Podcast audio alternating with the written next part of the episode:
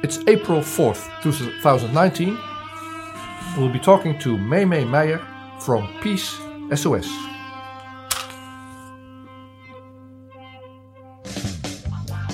Oh, yeah, there you go. Welcome.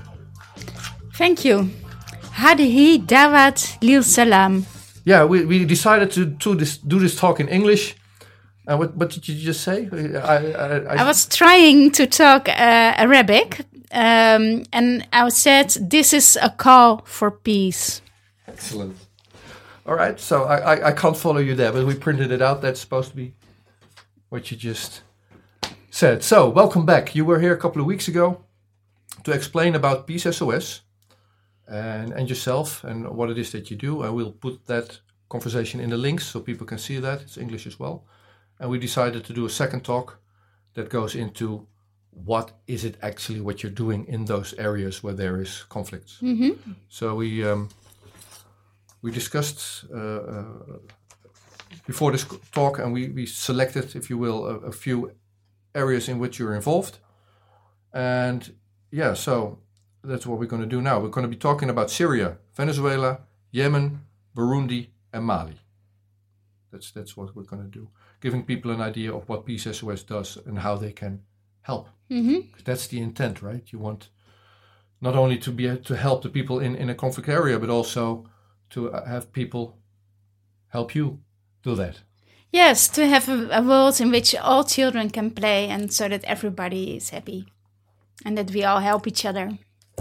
So, to start off with, the reason that you're doing what you're doing is uh, uh, images that you saw out of Venezuela, of, uh, out of um, Syria. Mm-hmm. There you go. So, what did you do then? How, how did you get involved in, in Syria? Yeah, I saw uh, a newspaper uh, article with a photo of a wounded father and a wounded child. And I felt it was really heartbreaking because I thought if there's a disaster, we humans, uh, it's hard to do anything about it sometimes. But I thought in case of war, it's it's man-made and we should uh, stop it. So um, I was active for uh, Women for Peace in the Netherlands, and then we joined uh, peace activists in Syria, or they had a campaign uh, which was called "Earth is anybody out there?" because they felt uh, isolated. And uh, we sent a message to them via Facebook, and uh, we held a speech for them, and we held up uh, heart signs.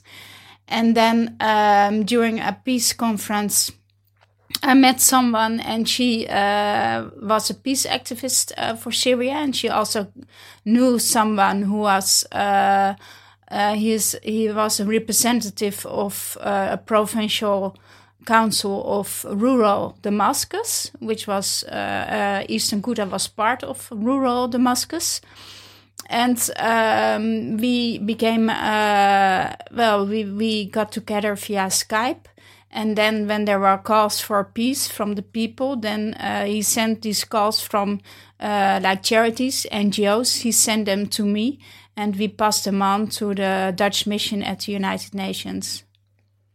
And then, what was their response, or was there any? Um, well, they were happy that, or well, happy is maybe a strange word to use because the situation was so sad, but it was good for them to have information from the ground and to know what's happening, and that could help them in preparing uh, peace talks. Yeah, so when we talked earlier, that was the um, the, the in, in Dutch it's spanningsveld. In English, I don't know, tension, uh, the, the conflict of um, of, um, of interest, if you- if you will. There's people in a country suffering from a civil war or or from a geopolitical s- strife, because in Syria, that's Russia, United States.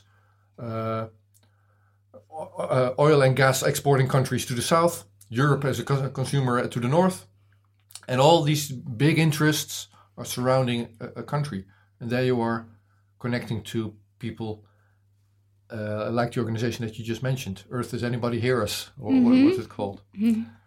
So, but like United Nations should be in touch also with people in, in, in Syria, or uh, are they mainly talking to the big stakeholders?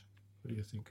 Uh, United Nations are also talking to NGOs, and they. Um, I know that uh, the UN envoy uh, Staffan de Mistura has holds talks with NGOs in uh, Geneva.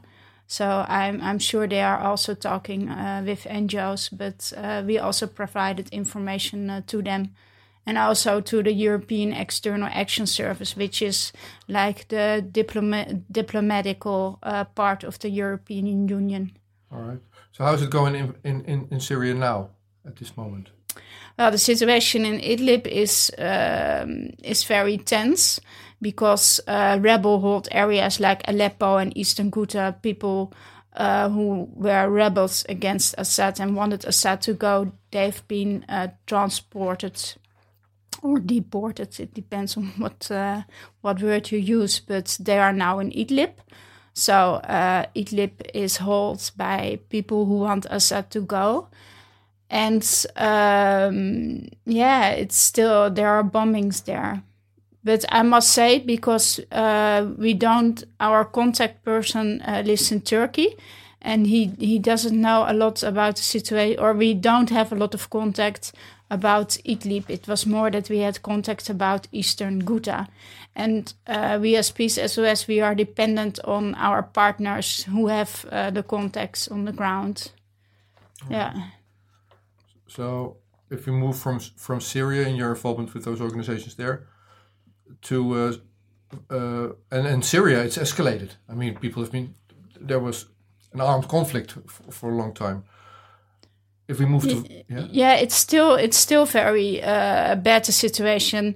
Uh, I think UNICEF uh, reported figures that in uh, 2018 was the most deadly year for children in Syria. So uh, it's still something uh, we shouldn't actually turn our eyes away from. It's still very sad and also uh, what you also see on social media is that uh, people are in refugee camps but there there are uh, there's water everywhere in the refugee camp and it's very the conditions for them are very hard to live also in syria so i also pray for peace in syria yeah yeah, yeah. To, to, to my knowledge from what i get from the, from the news is that we've seen the worst of that conflict and, mm-hmm. and, and, and mm-hmm. you know trump saying well we're going to move out of syria mm-hmm. mm-hmm. is that the case then or not uh, well, like I said, that um, UNICEF reported figures. I don't know from the top of my head, but that uh, 2018 was the deadliest year for children in Syria.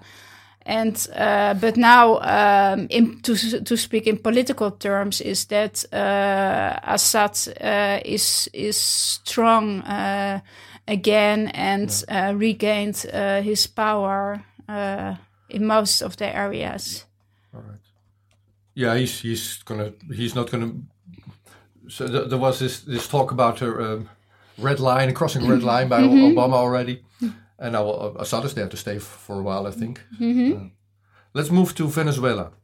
There's no armed conflict there yet, but it's it's also the situation with a uh, possible transition of power and a suffering civilization, mm-hmm. the people there. Mm-hmm. So what's happening in Venezuela, and how how are you involved there? Mm-hmm. Yeah, uh, we cooperated with uh, Viva Venezuela uh, a while ago and we wrote uh, an opinion article together. At this moment, we are not cooperating uh, with a local organization, but uh, a while ago we visited also the ambassador of Venezuela to talk about the suffering of the people. And yeah, like in a lot of wars or wars to be, hopefully not but uh, or developing conflicts, you see that uh, the international community is divided. That Russia is taking another side as the United States and also supporting another side. Uh, in a conflict, and I really hope that the international community will align and will focus on uh, on peaceful uh, negotiations, and that's actually what I hope for all the tensions in countries that other powerful countries will not support another side of the conflict because then the conflicts uh, gets worse. And yesterday we heard on the news that uh, Guaido uh, is not, uh, how do you say that, um, diplomatical uh, immunity. Yeah. yeah, immunity. Yeah, yeah. All right. Yeah. So the situation in Venezuela is you have uh, Maduro, who was elected uh, in 2018, but that election was uh, contested. And then the United States sup- supported uh, opposition leader Guaido. And um, And Well, Europe, yeah. uh, yeah, uh, and well, no, not at first not Europe, but some countries in Europe did, Mhm. uh, including my our government, the Netherlands. Mhm. Um, and then uh, afterwards, I believe also European Union uh, supports Guaido. And then Maduro goes, well, no, Mhm. and, and has lifted the diplomatic immunity, so Guaido might get arrested. So do you see see that conflict escalating into f- foreign involvement with guns and? Well, as Peace SOS, we we always uh, want to have peace and humanitarian aid uh, for the people. So we also hope that for Venezuela, it remain uh, that it will remain peaceful and that uh, tensions will not arise. And uh, the most important thing is to have humanitarian aid uh, for the people. And it's the responsibility of the political leaders to find uh, a peaceful solution. Or it's not, it's not only them who are responsible. Uh, it's the whole country and also the international community. We are all responsible that it remains peaceful. But uh, I, I really hope it uh, it will stay peaceful. But the humanitarian aid is also lacking there, and that's very bad. Yeah. Yeah, I talked to Alfred de Zayas, who was the uh, rapporteur for the United Nations and who re- reported on Venezuela in 2018. He was there in 2017, and he said, "Well, one thing that the international community could do is lift the sanctions, have Venezuela export their oil, and then be able to buy medicine, and that would help." Mm-hmm. So it's it's foreign involvement by the United States also that that that makes the people there suffer. That that's the parallel I see with Syria. You have you have Russia supporting Maduro, United States supporting Guaido, and then the people in the country lack of medicine, lack of food, and lack of water, and lack of everything. So if Syria is any uh, indication, we haven't seen the worst of, of Venezuela. And but, uh, but I'm here to, to plea for a peaceful world. So I, uh, yes, I would say that also for Syria that there comes a peaceful world, a world in which all children can play. And I think as adults, it's our duty to focus uh, upon that. So that's the vision. I hope we will all keep uh, in front of us. It's it's not the adults who are important, but it's the children, and we Yeah. should let all the children flourish and be happy. yeah. Yeah. Let's move to. Um, we agreed upon a couple of countries that we would discuss. Now, a country that's been suffering also is Yemen. hmm yeah. I've searched for people that could explain to me what's what's really going on in in that, and I couldn't find anyone. Nobody is comfortable enough to to go into where it came from. Uh, what are the fighting parties and what's at stake? Uh, so let's let's talk about that, and and also let's talk about your involvement hmm apart from the fighting parties hmm and focus on the people that live there. So Yemen. Oh, and also we're gonna uh, uh, put pictures in this talk. We, we Yeah. discussed. We, we agreed upon uh, adding images of where is that country. But Yemen is to the right of Africa, top right on the on the peninsula under Saudi Arabia, hmm Yes. and we'll do pictures of Venezuela and Syria as well. So, in your words, what's happening in Yemen? In uh, Yemen, there's a terrible humanitarian tragedy, and children and other people are starving to death. There's malnutrition, and the war uh, and also the suffering is man made.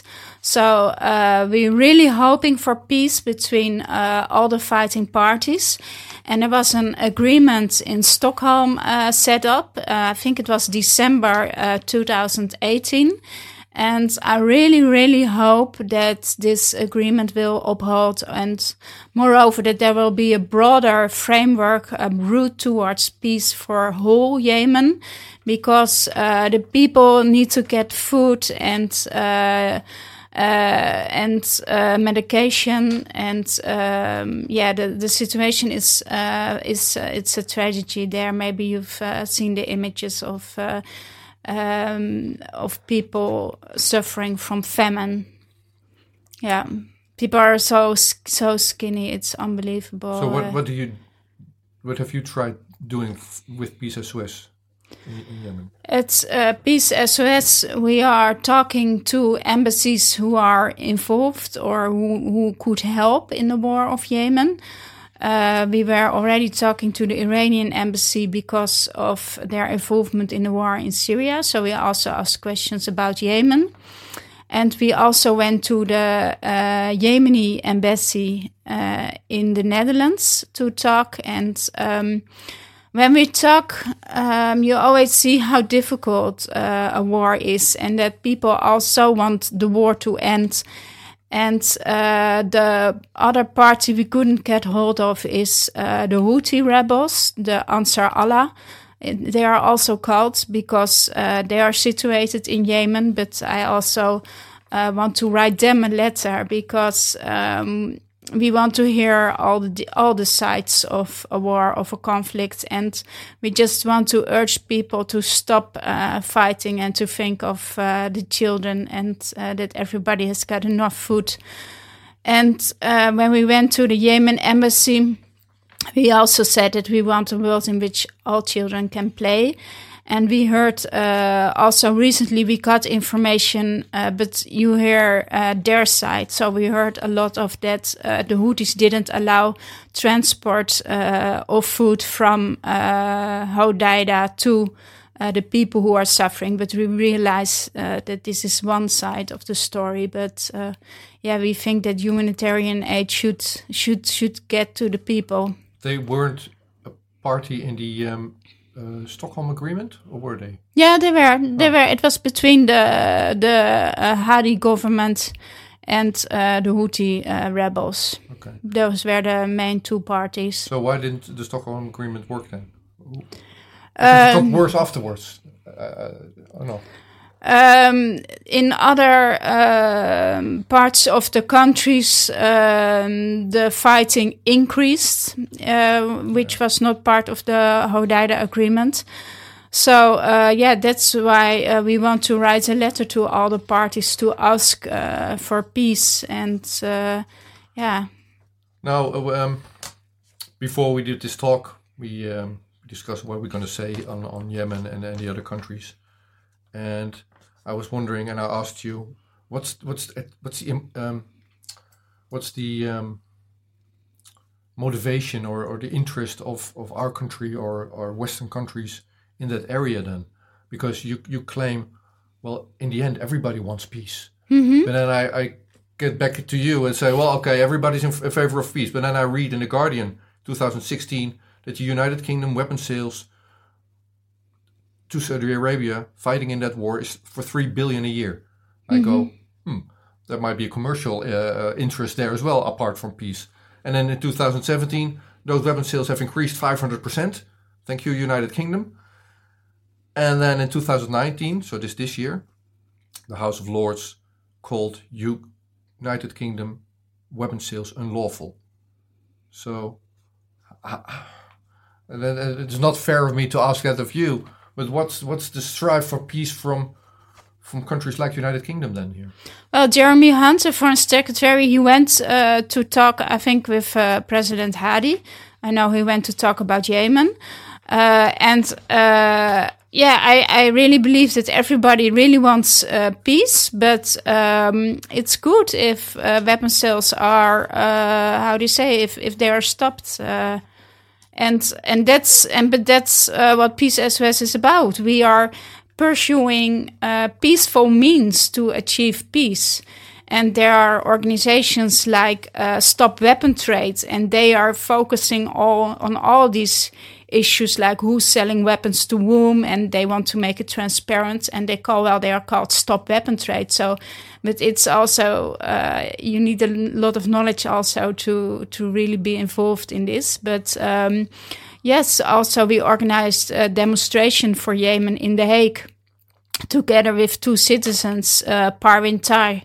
She was uh, the initiator. She also felt that it's so terrible what's happening there. And uh, we decided to join her and Serdar Isik uh, to do something for peace. And uh, we called for uh, a weapon stop uh, towards all parties involved in the Yemen war. Yeah. yeah.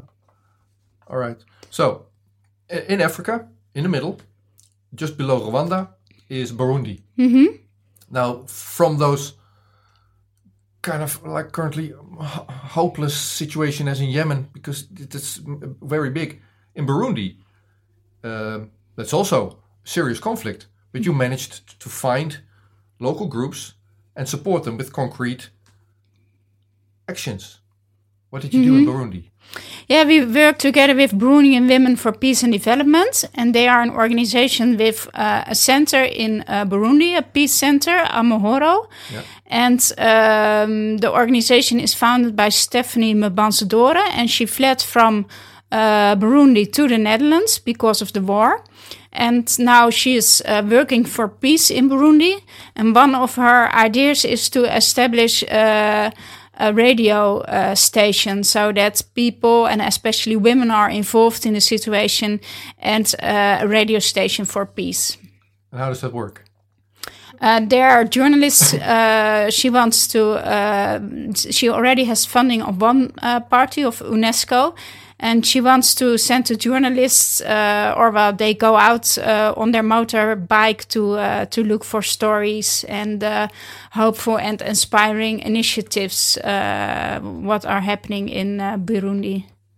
Yeah, that sounds like. A, yeah, sounds like a great initiative. Mm-hmm. Also, in the context of, of Burundi, which when I read up on this preparing for this talk, it says on the World Happiness Report 2018 that Burundi is the world's least happy nation. Mm-hmm. So but maybe the radio station, uh, what you just described, helps there. Last one that we were going to talk about here is uh, Mali. Mm-hmm. So, again in Africa, um, like under the Sa- un- under Sahara Desert, uh, under Al- Algeria, there's Mali. And Wikipedia says it's one of the poorest countries in the world and scores poorly on women's rights and gender equality, mainly. So, you wrote an article about that in a Dutch paper Trouw in 2017, and there's a project there as well that you that you're supporting. So Yes. What can you tell us about that? Yes, um, I must say the project uh, just ended, but uh, there were two phases of the project, and uh, the the project was that women peace mediators and peace activists uh, were trained uh, by Peace One Day Mali in uh, in human rights and what does it mean human rights and what can we do to achieve peace peacefully. So it it was in in French as I speak French in Mali. And uh, yeah, we we actually what we do with Peace SOS is that we empower the soft forces within a country, and we think that local knowledge of a country is very important. And that's and Peace One Day Mali wants to achieve uh, peace in Mali, so they uh, did all the trainings. So back in 2013, you decided to start Peace SOS, hmm and you decided to make an effort in in these countries. Uh, how can people help you do what you do? Uh, well, visiting our website, and uh, you can also uh, contact Peace SOS at info at peacesos.nl. Thanks for being here and talking about that. Would you would you blow out? The, oh, should we leave it burning? What do you think? We leave uh, the the flame of peace burning. Thanks for being here, Thank you for inviting me.